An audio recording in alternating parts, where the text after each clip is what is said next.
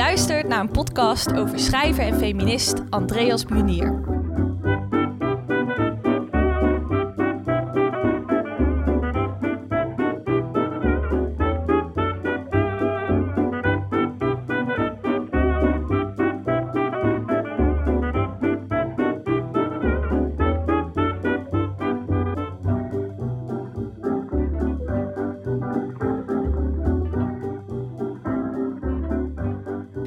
Als je in de trein zit, word je aangesproken met beste reiziger. De HEMA die knipt labels van jongens en meisjes uit zijn kleding. En op school ga je naar een genderneutraal toilet. Een genderneutrale aanpak lijkt tegenwoordig heel erg vanzelfsprekend te zijn. Maar die vanzelfsprekendheid is er niet altijd geweest. En in die tijd, de jaren 60, leefde Andreas Pionier. Zij laat zien in haar werk dat het worstelen met je identiteit een doodnormaal gegeven is als je een jong volwassen persoon bent maar dat het worstelen met je genderidentiteit het nog lastiger maakt. Hoe ging zij daar als mens en als schrijver mee om? En hoe doen schrijvers van nu dat? Wat is er veranderd ten opzichte van de tijd waarin Andreas Burnier leefde? Beste reizigers, de Intercity naar Amersfoort en Amersfoort-Schothorst van 19 uur 6 vertrekt van spoor de zoektocht naar je eigen identiteit. Dat is waar schrijver en criminoloog Catharina Irma de Zouwer zich haar hele oeuvre mee bezig hield. Catharina, dat is hoe Andreas Bunier echt heet. Andreas Bunier is haar pseudoniem, haar auteursnaam. En Catharina, Andreas dus, is geboren in 1931 in een Joods gezin en moest tijdens de Tweede Wereldoorlog op verschillende plekken onderduiken. En als een van de eerste schreef Andreas openlijk over haar homoseksualiteit en transgendergevoelens. Want ze heeft zich haar hele leven vragen gesteld over haar genderidentiteit. En genderidentiteit, dat gaat erom of je jezelf een jongen, een meisje voelt of iets ertussenin. Burnier die vroeg zich altijd af, hardop en in haar boeken: Ben ik wel echt een vrouw? Zou ik niet liever als man door het leven gaan? Het waren de roerige jaren 60. De provo's die wisten er wel raad mee. Weg met de consumptiemaatschappij. En ondertussen staken de hippies een joint op onder het motto van Make love not war. En dan had je nog de nozems, op de brommers met vetkuiven, langharig tuig volgens het gewone volk. Het was de nieuwe generatie die steeds mondiger werd, die de seksuele moraal wilde veranderen en waarin de vrouwen vochten voor gelijke rechten. Emancipatie en democratisering. Alles moest anders. In deze tijd vocht de dwarsdenker Burnier tegen een wereld die haar tegenwerkte omdat ze gezien werd als vrouw. Want vrouwen die mochten niet zoveel als mannen. En in deze tijd schreef Burnier openlijk over haar lesbische gevoelens. Homoseksualiteit werd al schoorvoetend geaccepteerd in de maatschappij, maar het homohuwelijk werd pas in 2001 officieel legaal. Burnier was een echte feminist en voorloper van de homo-emancipatie, mede door de literatuur die ze schreef. Ze maakte zich in feministische kringen overigens niet altijd populair, omdat ze openlijk negatief was over de manier waarop de vrouwenbeweging haar strijd voerde. Zij vond dat feministen te veel in zelfmedelijden bleven hangen en te weinig initiatief en ambitie toonden. Als een van de eerste schreef zij op een baldadige, opgewekte en vanzelfsprekende manier over haar homoseksuele gevoelens. Vrouwenliefde, dat was eerst een troosteloos bestaan, een verlangen dat toch nooit vervuld kon worden. Een zwaar lot. Zo stond het in de boeken geschreven, maar niet in de boeken van Bunier. Haar hoofdpersonen gingen niet gebukt onder de liefde voor vrouwen. Integendeel, zij hadden juist levenslust. Daarom werden haar werken bijna een soort pronkstukken die mensen trots op hun koffietafel hadden liggen. Zo van: kijk mij, ik lees dit boek. Het droeg uit wie je was, of wie je misschien stiekem zou willen zijn. De polariteit tussen man en vrouw. In 1965 debuteerde Bunier in het tijdschrift Tirade. En in datzelfde jaar verscheen haar eerste roman, Een tevreden lach, waarin ze haar eigen ervaringen met het ontdekken van haar geaardheid als uitgangspunt nam. En al in de eerste pagina's neemt ze de lezer mee in haar vragen over het leven en het zijn. Wij zoeken onszelf. Dat is een gemeenplaats. Maar van het overdonderende waarheidsgehalte dat water nat is of goud edel. De jeugd is zo zoet, zo aangenaam, opdat wij niet zullen merken dat wij onszelf in snel tempo verliezen. Als het droomgordijn optrekt, uiterlijk rond het 14e jaar, zijn wij iedere oriëntatie kwijt. Door studie, kunst, avonturen, misschien religie, hopen wij het eigen ik te leren kennen. Die zoektocht naar een eigen identiteit bleef een rode draad in haar werk. Ze beschreef in haar roman Het Jongensuur en De Huilende Libertijn bijvoorbeeld het ongeluk om geboren te zijn in een vrouwenlichaam, maar zich gedeeltelijk man te voelen. Andreas Bunier schreef en sprak zich uit over haar lesbische gevoelens en over haar transgender gevoelens. Ze vroeg zich vaak af of ze niet liever als man door het leven wilde gaan, want ze leek zich meer man dan vrouw te voelen. Maar waaraan moet je eigenlijk voldoen als je een man of vrouw bent?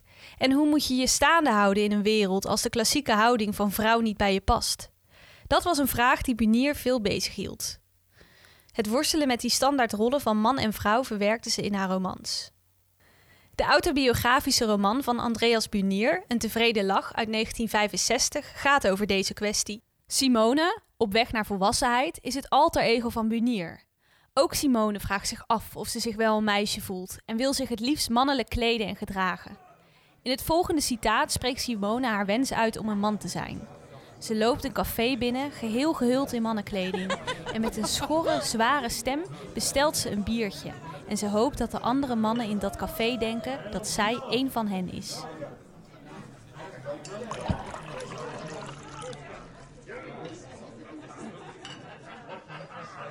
Van deze proef hing alles af, meende ik. Als dit lukte, kon ik verder gaan. Kon ik een nieuw leven beginnen. Drinken, vechten, vrijen en naar zee gaan, in de havens werken, s'nachts langs de dokken zwerven, vrouwen verkrachten, een groot arts worden, in het buitenland uiteraard. Het verdomde leven als een sappige vrucht langs de kin laten druipen.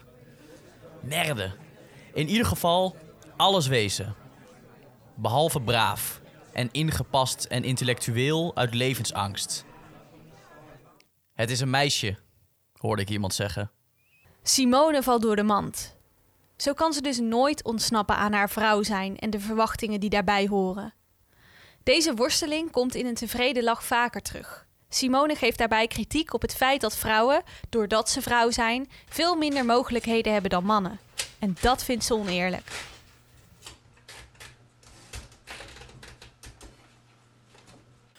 Voor een vrouw is er geen plaats in de wereld, maar in de keuken, in bed en in de kerk. Er zijn geen vrouwelijke genieën, creatieve kunstvernieuwers, maatschappijhervormers die ten voorbeeld kunnen strekken. Als een vrouw iets presteert, vraagt men zich af waarom zij geen man heeft of haar tijd niet aan hem wijdt. Blibla bluba.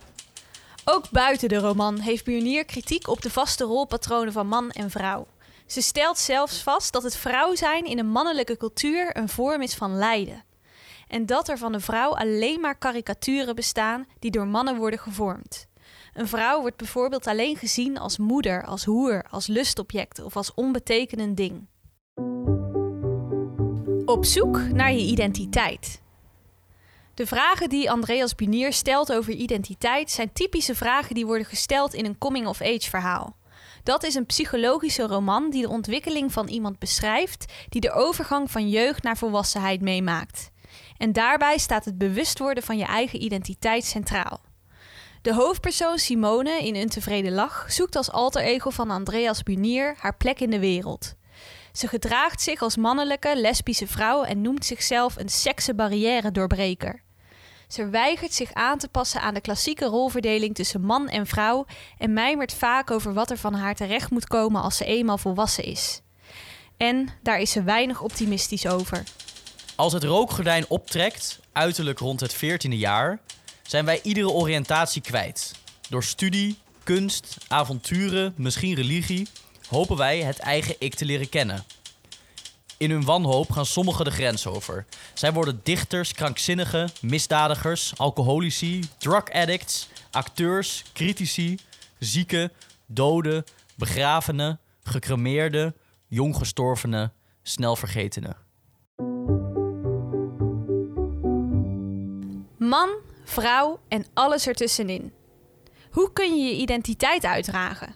Nou, ten eerste kun je dat zichtbaar maken door bijvoorbeeld je kleding, zoals de hoofdpersoon Simone uit een tevreden lach deed in het café. Kleding is een belangrijke manier om je identiteit uit te dragen en om te laten zien bij welke groep je wil horen. Een tweede manier betreft je genderidentiteit. Wat je bent op basis van je eigen gevoel. Een jongen, een meisje of iets ertussenin. Non-binair. Het werk van Bunier geeft aan dat er 50 jaar geleden ook al mensen waren die niet volledig pasten in de hokjes van man of vrouw. Maar daar waren nog geen woorden voor. Tegenwoordig kun je bijvoorbeeld in je social media profiel laten weten dat je aangesproken wil worden met hij, zij of met hen of hun. Zo kun je de voornaamwoorden kiezen waar je je prettig bij voelt. En bepalend voor die keuze is hoe jij je voelt, of met welke genderrol je je identificeert. Niet het biologische geslacht van bij de geboorte dus. Schrijver en dichter Marieke Lucas Rijneveld, geboren in 1991, is iemand die op vergelijkbare wijze als Andreas Bunier worstelt met haar genderidentiteit. Ze voelt zich zowel jongen als meisje. Een tussenmens, zoals ze zelf omschrijft. En net als Andreas Bunier heeft Marieke eigenlijk een meisjesnaam. Marieke Rijneveld. Net als Andreas Bunier heeft Marieke ook een pseudoniem. Marieke Lucas Rijneveld. En ook zij kleedt zich, net als Burnier in het echte leven en Simone uit een tevreden lach, in mannenkleding. Marieke Lucas schrijft over genderkwesties en het ongemak in je eigen lichaam. In een conservatieve omgeving waarin het moeilijk is jezelf te zijn, vooral wanneer dat zelf zo veranderlijk is. Deze kwesties schrijft ze op in haar dichtbundel van Tomerry uit 2019. In deze dichtbundel spreekt een vrouwelijk ik-figuur haar verlangen uit naar het hebben van een mannenlichaam.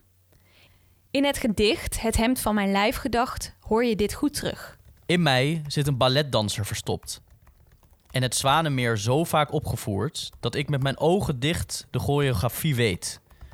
De bewegingsstructuur van jongenslichamen is zo jaloersmakend mooi dat er kippenvel en een tollend hoofd op volgen.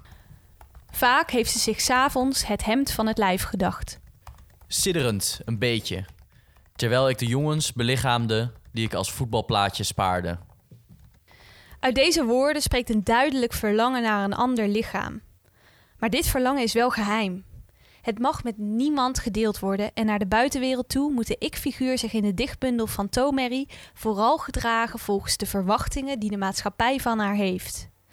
Ook Simone uit een tevreden lach van Andreas Burnier omschrijft het geworstel met seksuele voorkeur als een geheim, zoals in de volgende passage beschreven wordt. De homoseksueel dient zich net als de ingewijde in de buitenwereld te gedragen alsof hij van die buitenwereld is. Maar er is meer. Hij heeft zijn geheimen, zijn ontmoetingen, zijn clubs, zijn woorden, zijn ervaringen die hem onderscheiden van de massa.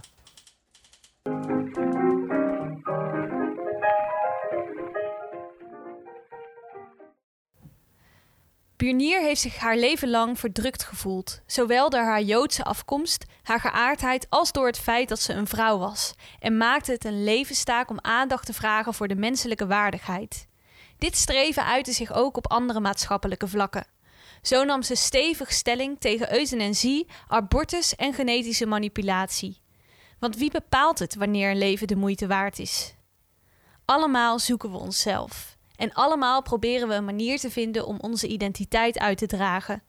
Om te laten zien aan de wereld wie we van binnen echt zijn. Net zoals Simone uit een tevreden lach en de ik-persoon in de gedichten van Marieke Lucas Rijneveld. Er is nu meer mogelijk dan in de tijd van Andreas Bunier. Maar toch kan het ook nu soms nog moeilijk zijn om je genderidentiteit met mensen te delen, zoals we zien in de gedichten van Rijneveld. Misschien had Bunier zich vandaag de dag transgender genoemd, of non-binair of genderfluïde. Maar hoogstwaarschijnlijk had ze deze etiketten ook als beperking gezien. In een tevreden lach vraagt Simone zich af waarom mensen in hokjes worden ingedeeld. We zijn immers toch allemaal mens? Man of vrouw, van deze of gene klasse, van dit of dat beroep, westers, 20ste eeuws, Euro-Amerikaans soortdier, eens hebben we onszelf als mens gezien hemelhoog en verankerd in de aarde.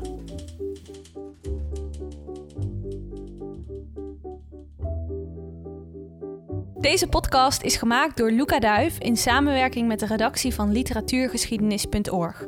Een website over literatuurgeschiedenis die is gemaakt door de Koninklijke Bibliotheek, Nationale Bibliotheek van Nederland en de Taalunie. De podcast is geproduceerd door Podcast Chill. Wil je meer te weten komen over Andreas Pionier? Neem dan een kijkje op de schrijverspagina op literatuurgeschiedenis.org.